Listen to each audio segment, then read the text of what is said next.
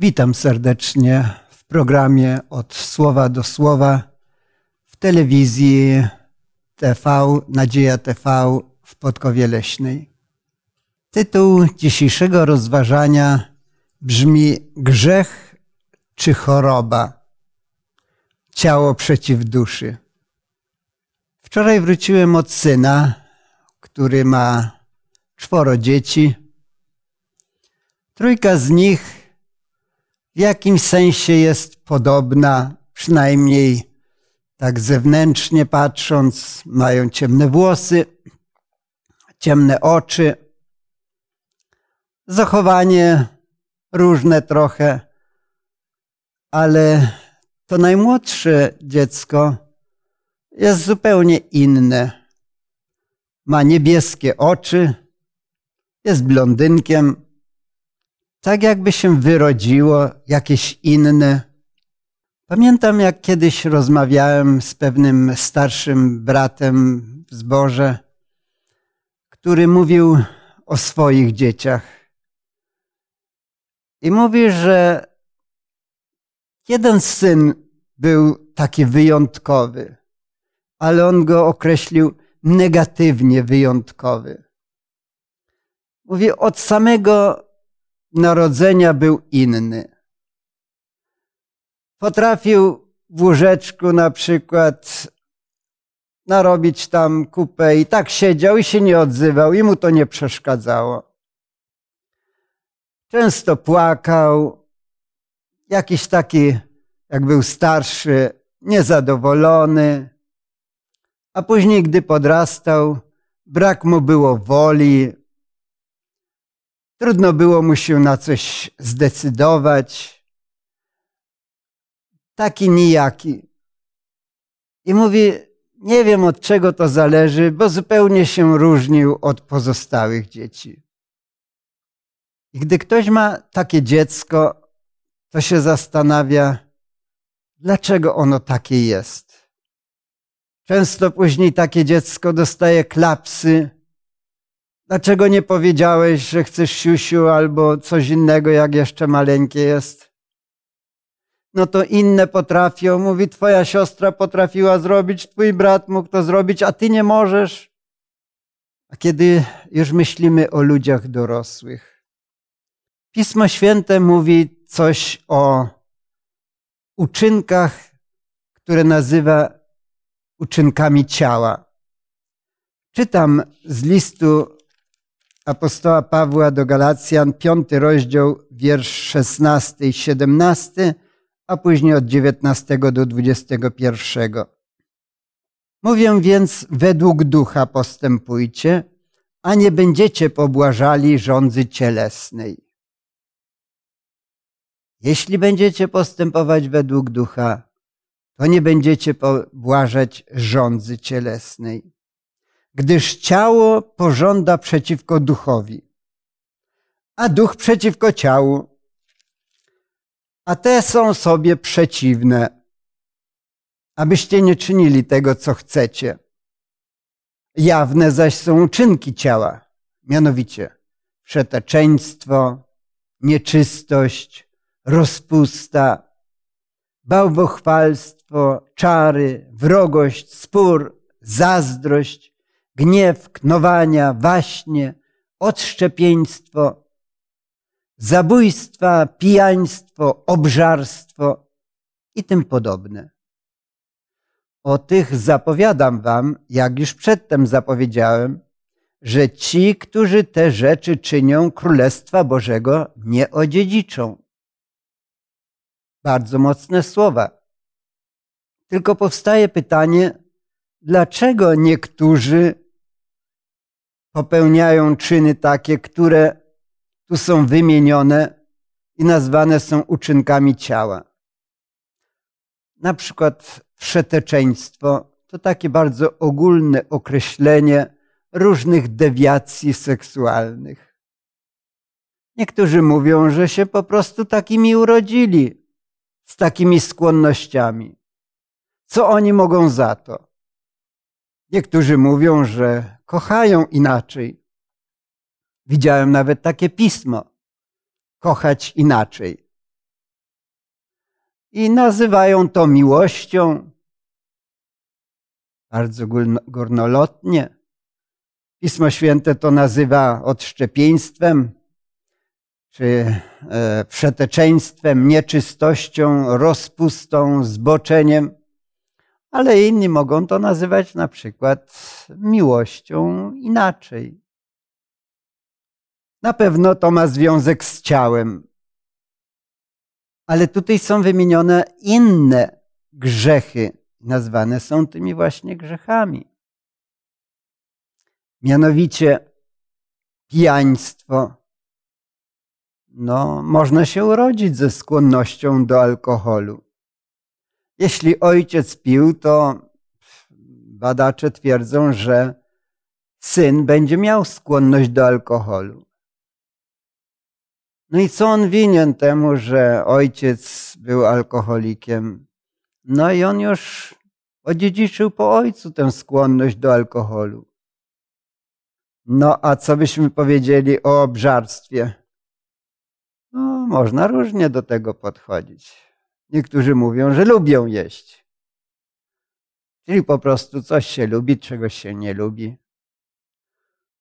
Ciekawe, bo Pismo Święte wspomina, że o Kreteńczykach w tamtym, w tamtym czasie mówiono, że ich Bogiem jest brzuch. Więc e, nie wiem, czy to tak już mieli skłonności po rodzicach, że lubili jeść, że Bogiem generalnie mówiąc Kreteńczyków był brzuch, a Pismo Święte mówi, że obżarstwo jest grzechem. Więc e, czy to grzech, czy odziedziczona skłonność do jedzenia, ale mogą nas zaskakiwać tutaj inne jeszcze grzechy. Mianowicie te, które trudno nam dzisiaj byłoby przypisać tym grzechom, do tych grzechów cielesnych. Na przykład bałwochwalstwo, czary, wrogość, zazdrość, knowania, odszczepieństwo. Ale Paweł pod natchnieniem Ducha Świętego mówi, że to są grzechy, jak on je nazywa, cielesne. I tutaj Wielu mogłoby powiedzieć, ja się z tym nie zgadzam. To nie ma żadnego związku z ciałem. To może być nasza opinia. Ale ja wiem, że chętnie przypisuje się grzech, czy nawet napiętnuje się niewłaściwe zachowanie ludzi, e, którzy na przykład są nadpobudliwi E, o dzieciach nieraz słyszałem, że mają taki zespół ADHD, że są nadpobudliwi. Nauczyciele mają problem z takimi dziećmi, bo się kręcą stale w ławkach, nie słuchają, stale gdzieś się szturchają i tak dalej. No nie lubi się takich dzieci. Niedobre są. Nauczyciele lubią takie dzieci, które są grzeczne, posłuszne, cicho siedzą. A jak jest taki wyrodek, który stale się kręci i coś gada i szturcha innych? To niedobre dziecko. Dzisiaj coraz rzadziej mówi się grzeszne. Ale jeśli coś się zło, czyni złego, można to nazwać grzechem. A co powiedzieć o takim człowieku, o którym mowa była niedawno w telewizji. Ukradł batonik i został wsadzony do więzienia. No bo złodziej ukradł ze sklepu batonik. Tyle, że dyrektor więzienia szybko się zorientował, że to jest człowiek, który nie powinien być w więzieniu. Nie powinno się określać go złodziejem, bo on jest psychicznie chory. Nie odpowiada za siebie, Więc nie można tego czynu określić jako złodziejstwo. A wiemy, że złodziejstwo jest grzechem. No więc jak?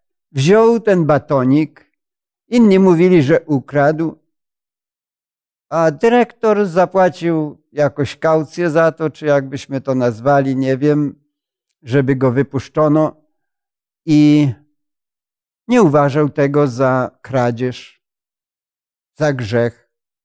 A co byśmy powiedzieli na przykład o dzieci z autyzmem? Specjalnie zajrzałem do słownika, co to jest autyzm. Przeczytam. Chorobę można opisać jako wycofanie z życia społecznego. Autyzm z greckiego autos sam. Czyli ktoś, kto tak żyje sam dla siebie, wycofany, e, dla innych nic, e, nie bierze udziału w życiu społecznym, czy powiedzmy jako dziecko w grupie. Kiedyś uważało się takiego zasobka, który tylko wpatrzony w siebie. Dzisiaj mówi się, że on jest chory. Autyzm, rodzaj choroby. Możemy zauważyć, że coraz więcej dzisiaj podaje się, że są różnego rodzaju choroby. Na przykład dyslekcja, dysgrafia. Kiedyś jak brzydko pisał w szkole, to dostał po łapach od nauczyciela, bo brzydko pisze. A dzisiaj się mówi, nie można tego robić, bo ten, to dziecko jest chore. No więc albo jest to złe, że nieładnie pisze, albo jest to choroba. No popatrzmy dalej. Są ludzie o różnych temperamentach. Na przykład choleryk. Znów zajrzałem do słownika. Podają tak. Z greckiego chole żółć.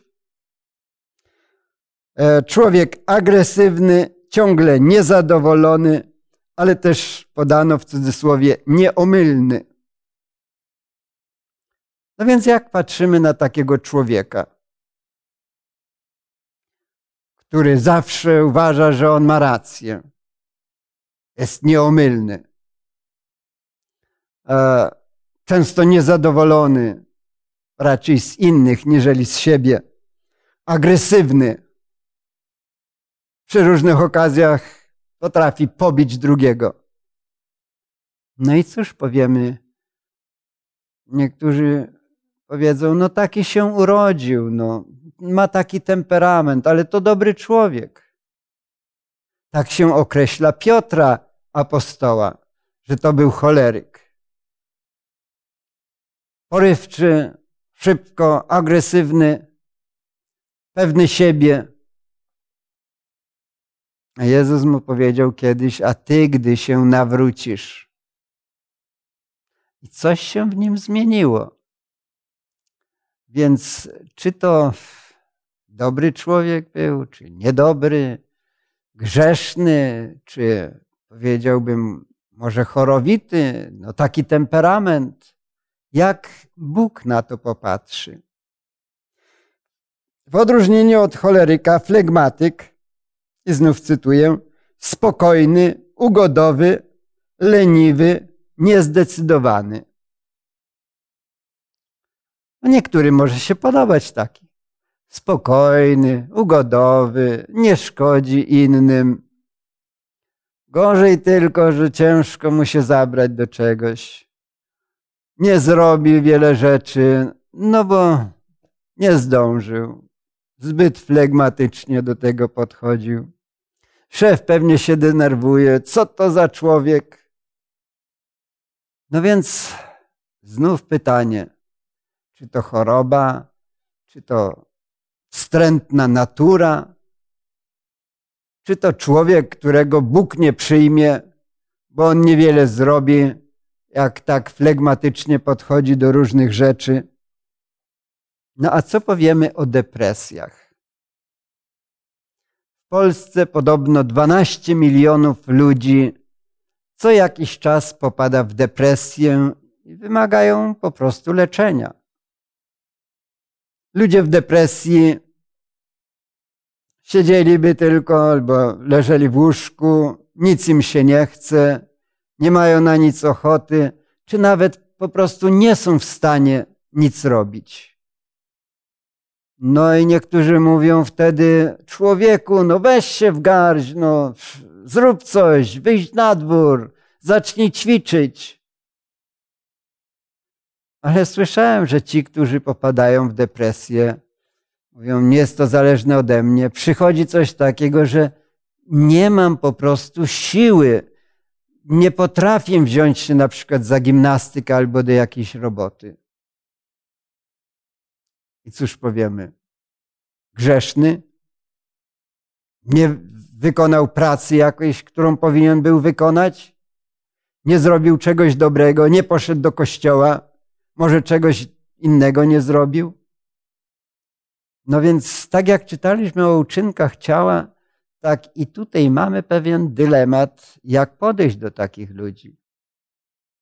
Kiedyś, jak był niewolnik cholerykiem albo flegmatykiem, albo e, nie wiem, miał jakieś depresje, Pan jego nie patrzył na to, nie znał się na tym, brał kija i walił takiego sługę, bo miał spełniać swoje obowiązki.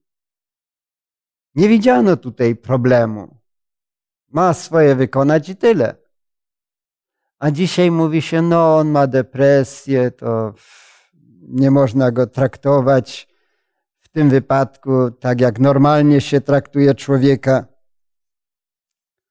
Opowiem pewną historię, która może wyglądać trochę śmiesznie, ale mnie czegoś nauczyła.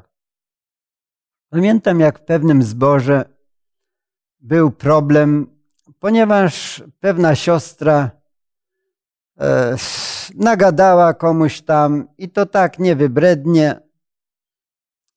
No i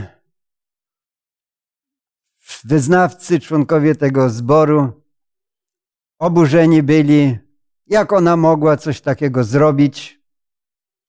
E, zwołano radę zboru, mnie również tam poproszono. No ja mówię, no ale czy ona tak się zachowywała wcześniej? No nie. No ale jak mogła coś takiego powiedzieć? No próbowałem zrozumieć ich trochę, z drugiej strony, no prawda, jak można ludziom takie brzydkie rzeczy powiedzieć.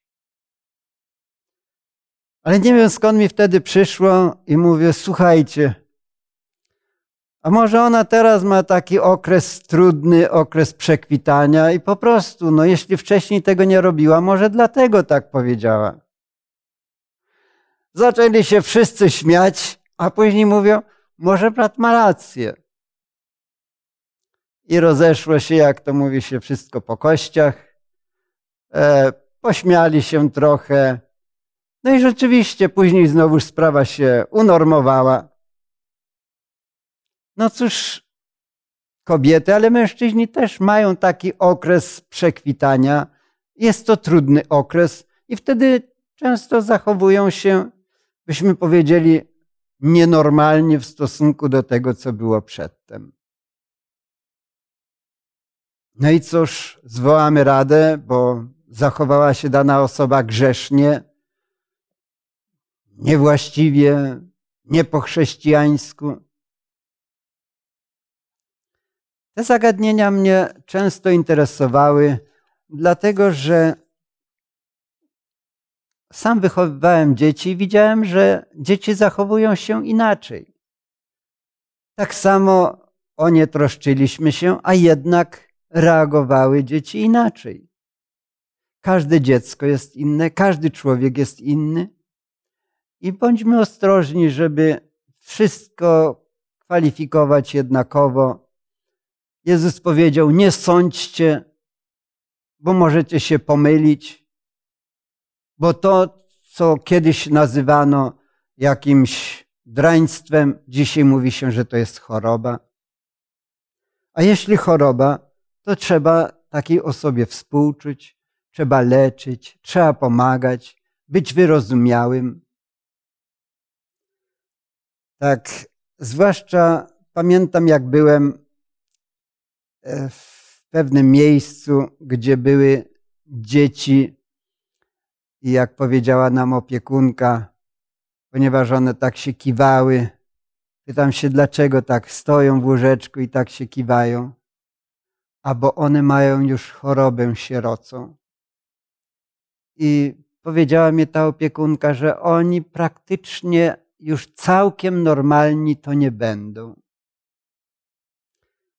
Ostatnio specjalnie zaglądałem, żeby poczytać coś na temat choroby sierocej.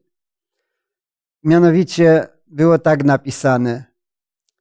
E, choroba ta może wywoływać moczenie się, apatię, brak apetytu, ale również i agresję. Agresję. Co więcej, u młodzieży występuje silna potrzeba więzi emocjonalnych, ponieważ choroba sieroca występuje wtedy, kiedy dziecku brak jest miłości, kiedy rodzice nie okazują czułości, albo dziecko nie ma tych rodziców. I wtedy pojawia się właśnie ta choroba sieroca. Co więcej, kiedy takie dziecko dorasta, pojawia się silny strach przed bliskością, egocentryzm. I gdy spotkamy takiego młodzieńca, egocentryka, to powiemy, ależ to drań, widzi tylko siebie. A on tak bardzo potrzebuje uczucia. Tylko, że nie umie okazywać tego, boi się tego uczucia. Czytałem też, że wysoki procent wchodzi w konflikt z prawem i bardzo wielu z nich staje się bezdomnymi. Więc gdy spotkamy takiego człowieka, nawet agresywnego, który jednak nie chce nawiązać kontaktów z nikim, boi się, a jednak potrzebuje tej bliskości, ląduje gdzieś na ulicy, możemy łatwo przekreślić takiego człowieka. Ale on po prostu ma chorobę, chorobę sierocą. Może jeszcze powiem o innych przypadkach.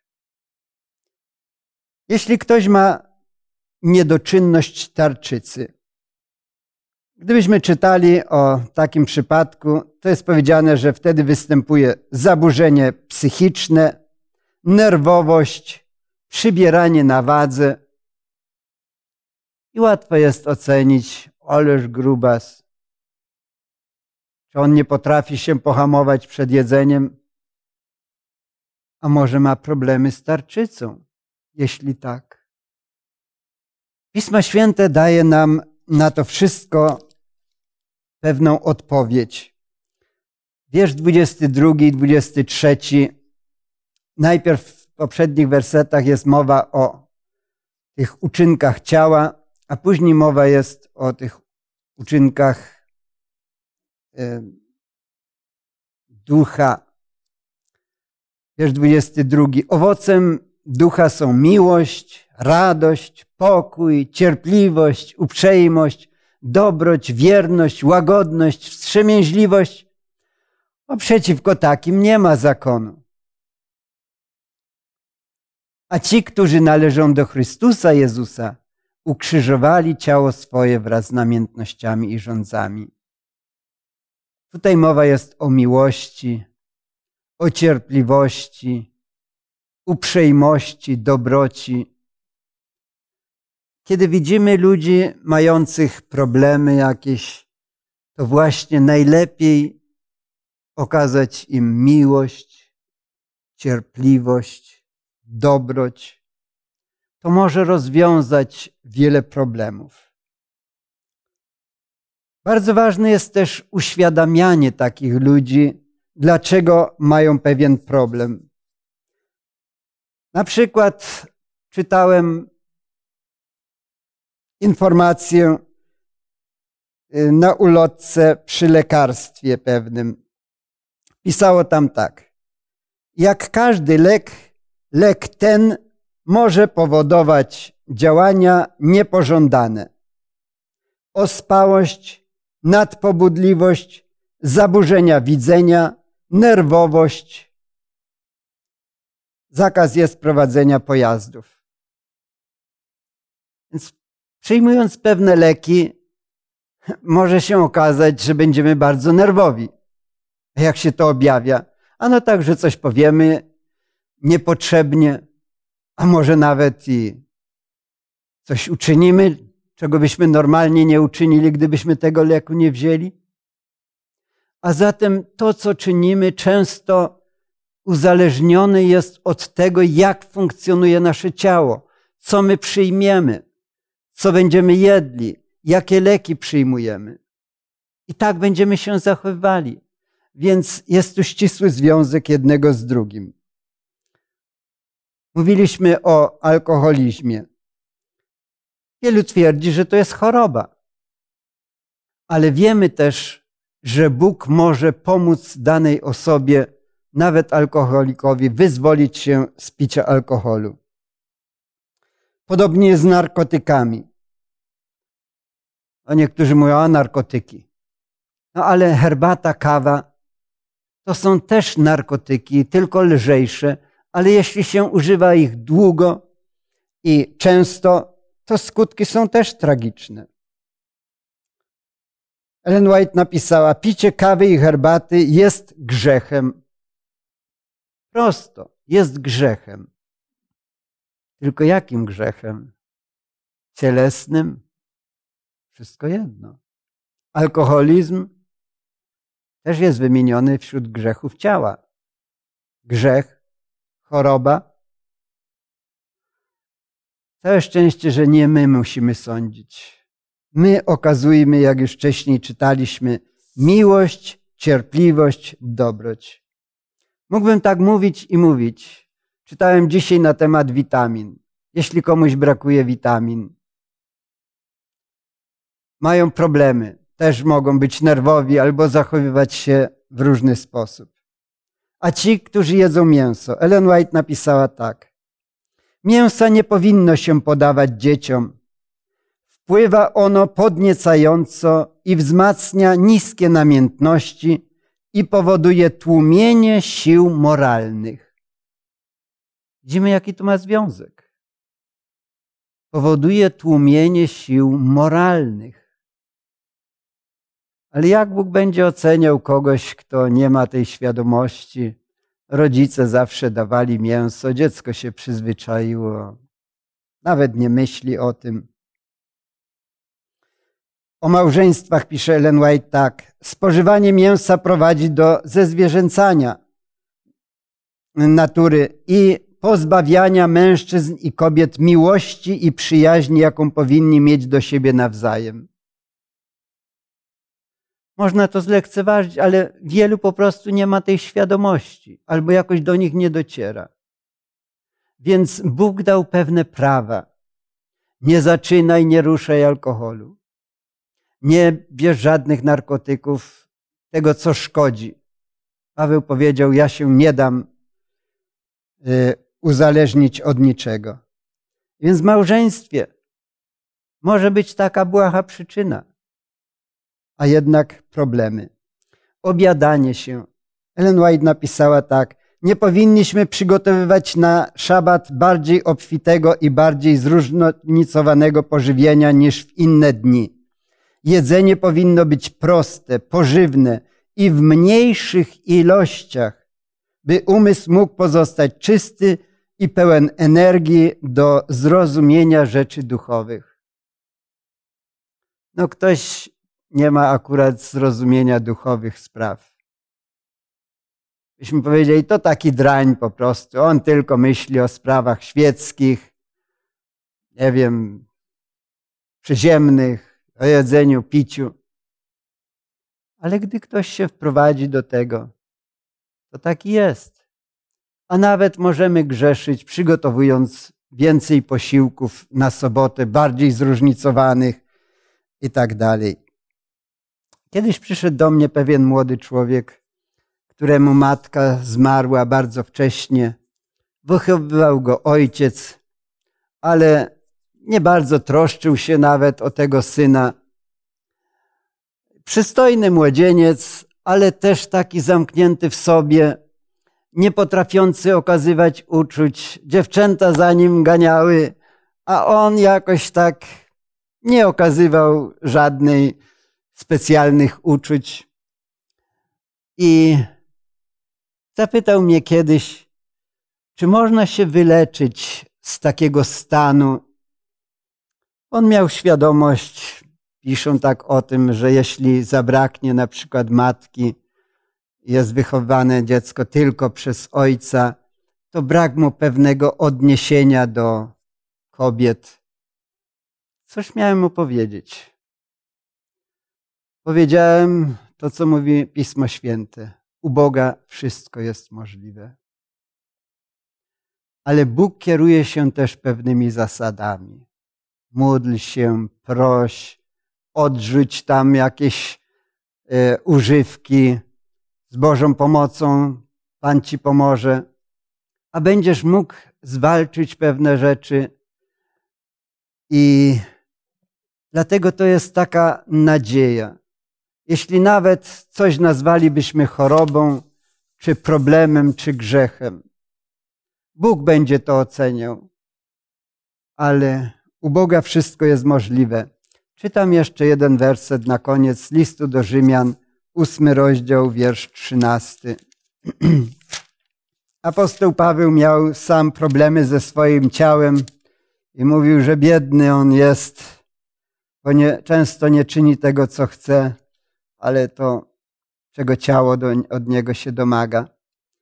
Ósmy rozdział, wiersz trzynasty. Jeśli bowiem według ciała żyjecie, umrzecie. Ale jeśli duchem sprawy ciała umartwiacie, żyć będziecie.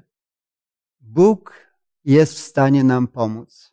Możemy mieć skłonności do alkoholu, do jakichś wypaczeń natury moralnej, seksualnej czy innej. Bóg może wszystko pokonać. Ważne, żebyśmy my chcieli być przy Bogu, to On będzie przy nas i będzie nam pomagał. Amen. Teraz nastąpi chwila muzyki, a potem można zadawać pytania. Zapraszam serdecznie. Never be sad or desponding, only have faith to believe. Grace for the duties before thee, ask of thy God and receive. Never give up, never give up, never give up, never give up, never give up to thy sorrows. Jesus will bid them depart. The Lord, trust in the Lord, trust in the Lord. Sing when your trials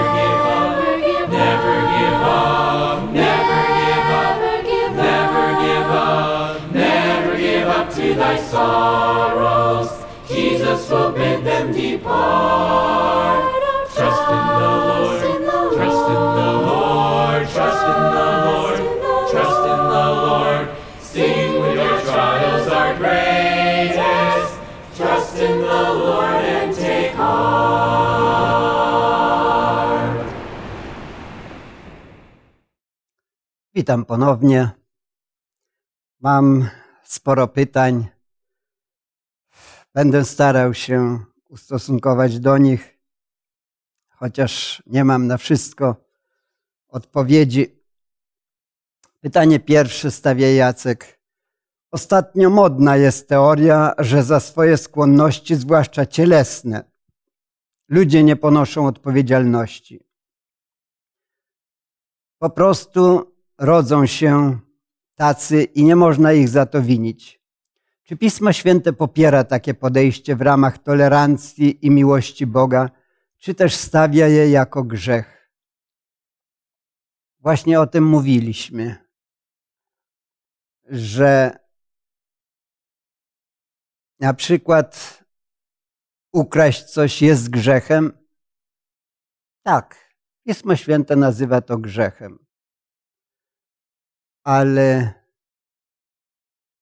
Bóg potrafi ocenić to, czy rzeczywiście dany przypadek e, można nazwać grzechem, czy też nie. Ja tutaj mówiłem o tym, że ktoś ukradł, no bo wziął, nie zapłacił, ukradł batonik. No i za to został wsadzony do więzienia. Ale tam zorientowano się, że jest psychicznie chory i nie odpowiada za siebie, więc e, nie jest to przestępstwo. Ja myślę, że Bóg tak będzie oceniał pewne rzeczy. My tego nie wiemy i dlatego nam łatwo mówić, a ten jest grzeszny, tamten grzeszny, ten robi nie to, co powinien.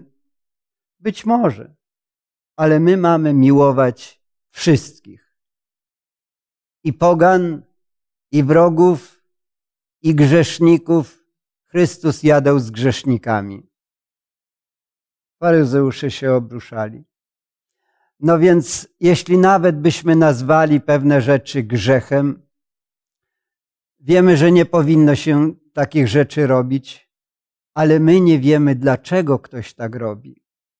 I dlatego powinniśmy być ostrożni z takim osądzaniem. Aha, ten jest pijakiem, to już pijacy Królestwo Bożego nie odziedziczą. Nie wiemy, dlaczego się tak stało. Zostawmy te sprawy Bogu. My możemy mówić, to jest niewłaściwe. I dlatego, jeśli ktoś nawet urodził się, już mówiłem, nie chcę mówić tutaj o tych skłonnościach cielesnych za bardzo, bo dzisiaj to niemodne, żeby o tym mówić, ale możemy powiedzieć na przykład o alkoholizmie. Dzieci rodzą się ze skłonnościami do alkoholu, ale czy muszą takimi pozostać? Nie. Alkoholizm jest złem, jest grzechem. Ale Bogu zostawmy osądzanie.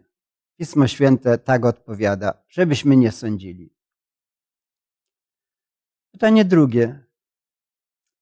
A co mają zrobić ludzie, którzy na przykład urodzili się obojnakami? Tak zwany hemafrodytyzm.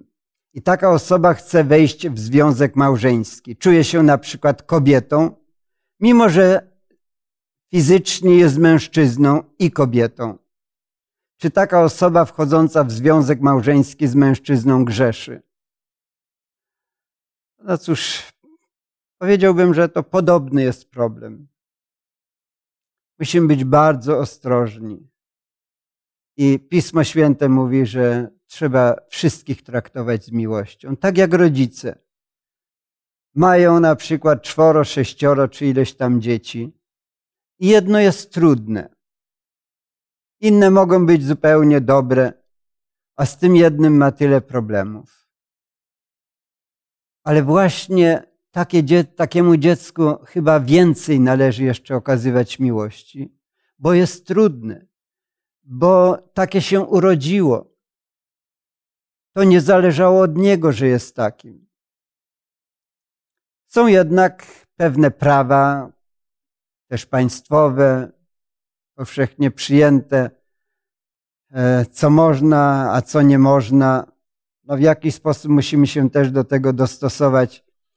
E, trudno mi tutaj powiedzieć e, o takim przypadku, kiedy ktoś e, jest mężczyzną i kobietą. Nie wiem, nie rozumie tego. Czy taka osoba wchodząca w związek małżeński z mężczyzną to grzeszy? Nie wiem, jak można być jednocześnie mężczyzną i kobietą. Nie umie na to odpowiedzieć.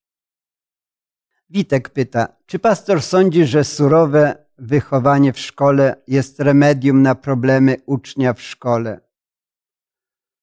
Moim zdaniem to nie jest remedium. Ja na przykład swoich dzieci nigdy nie biłem. Poza tam jakimś klapsem czasami, jak było małe, to tak. Wierzę, tak jak to przedstawia Pismo Święte, że największą potęgą na świecie jest miłość. Najwięcej możemy osiągnąć poprzez miłość. A Ellen White mówi, że dzieci powinniśmy prowadzić stanowczo, ale łagodnie. Często o tym myślałem, kiedy miałem małe dzieci, że powinienem być stanowczy, ale łagodny. Czyli tego ci nie wolno. A dziecko płacze i tak dalej. Nie wolno ci tego grzecznie, łagodnie. I to jest metoda. Także nie jakąś surowością, nie wierzę w to. Następne pytanie. A co mają zrobić sangwinicy? Ogólnie mówi się, że ludzie bywają nieobowiązkowi i często się spóźniają. Wini się ich za to, ale według definicji problem taki mają ludzie, których nazywamy sangwinikami. Z natury nie potrafią dobrze zaplanować czasu i pracy. Czy to jest ich osobista wina, czy też można uznać, że ich typ osobowości sprawia, że wina staje się bardziej obiektywna? Jest ciekawą rzeczą, że Jezus wybrał na apostołów różnych ludzi. Mówiliśmy już o Piotrze, ale możemy tak samo powiedzieć o Jakubie i Janie, którzy zostali nazwani synami gromu. Kiedyś pytali Jezusa, czy nie można by spuścić ognia z nieba, żeby ludzi zniszczyć. A Jezus powiedział, byśmy mogli to oddać współcześnie, wy nie rozumiecie, kim wy naprawdę jesteście. Jednak Jezus przyjął tych różnych ludzi i kochał ich wszystkich. I oni wszyscy byli przydatni ze swoimi słabościami. E, jeżeli nawet spóźniali się, czy pewnych rzeczy nie umieli zrobić, no trudno. Każdy jest inny. Ale Bóg pomaga każdemu, tak jak Chrystus wychowywał apostołów i stawali się ludźmi coraz doskonalszymi. Tak więc na pewno sangwinik nie może odpowiadać za to, że on takim jest, ale przecież za Bożą łaską wszyscy możemy się zmieniać i stawać się lepszymi. I to jest dla nas wielka nadzieja i wielka łaska Boża. Następne pytanie: co Biblia mówi o zbawieniu osób upośledzonych trwale, bez całkowitej świadomości rzeczy? Nie przypominam sobie, żeby Biblia coś na ten temat mówiła.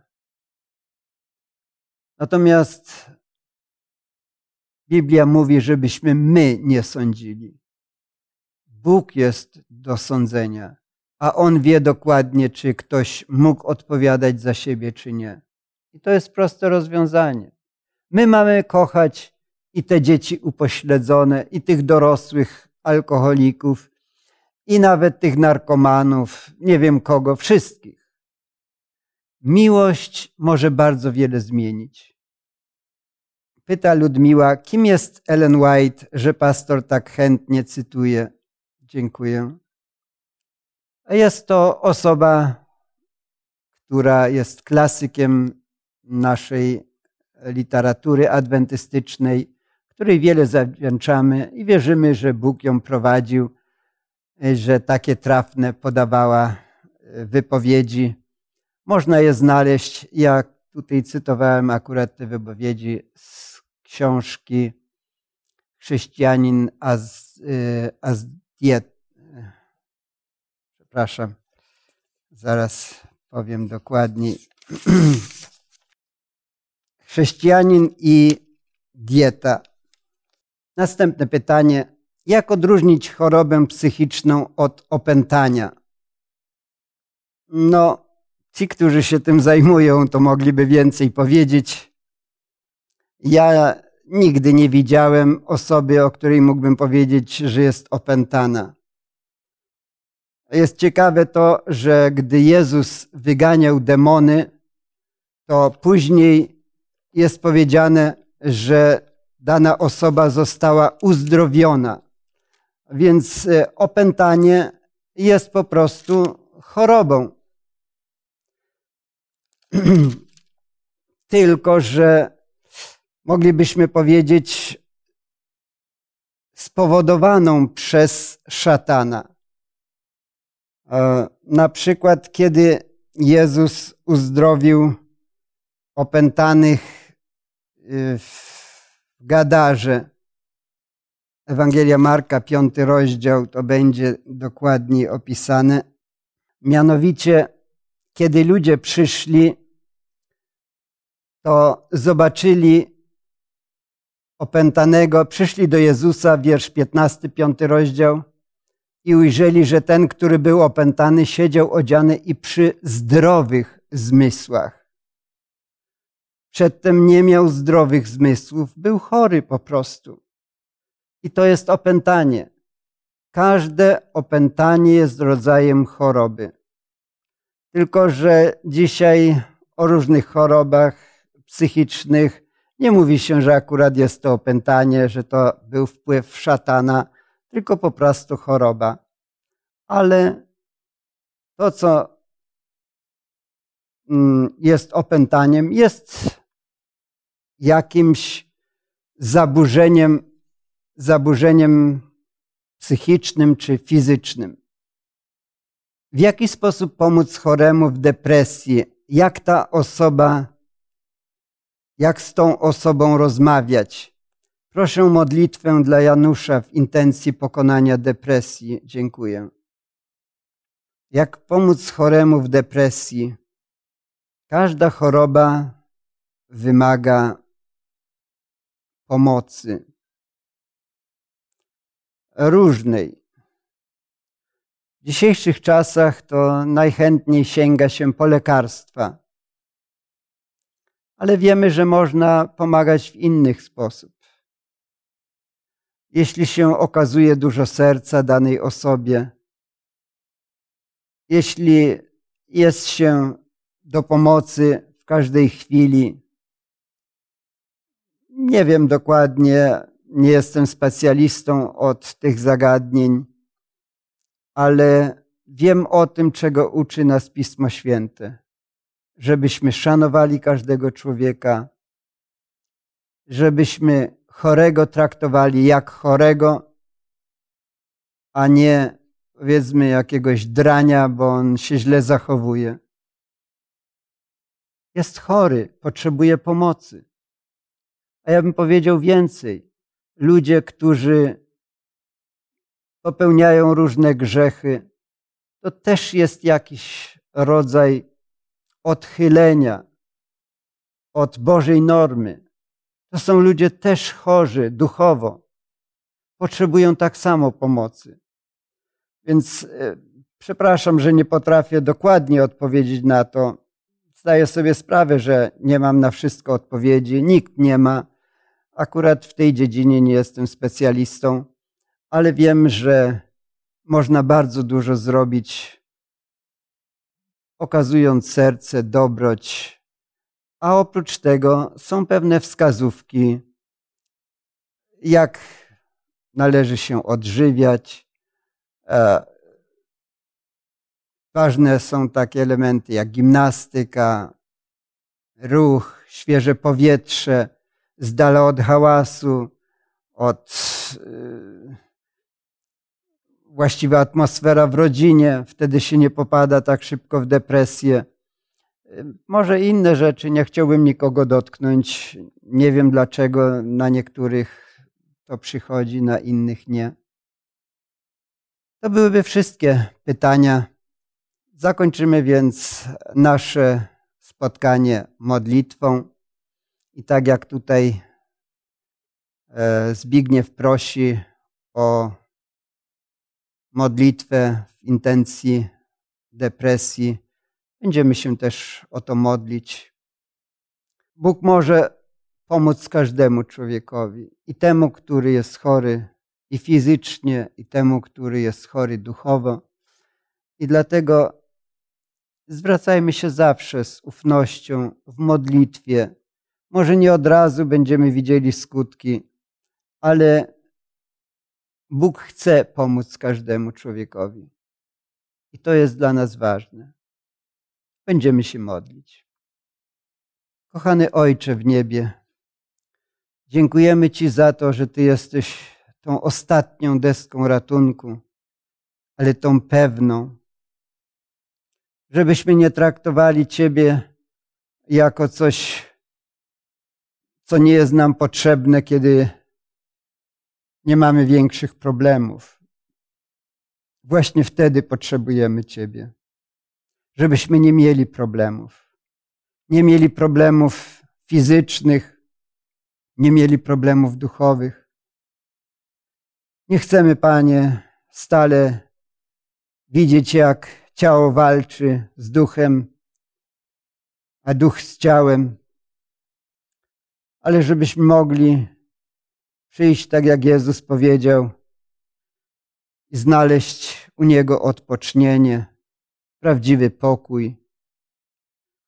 Proszę Cię, Panie, szczególnie w tej intencji, którą przedstawił nam Zbigniew. Depresja dotyka tak wielu ludzi, milionów ludzi. Pomóż w tej sprawie. Pomóż ludziom, by mieli więcej świadomości, co sprawia, że mają te problemy. Bo wielu rzeczy można uniknąć.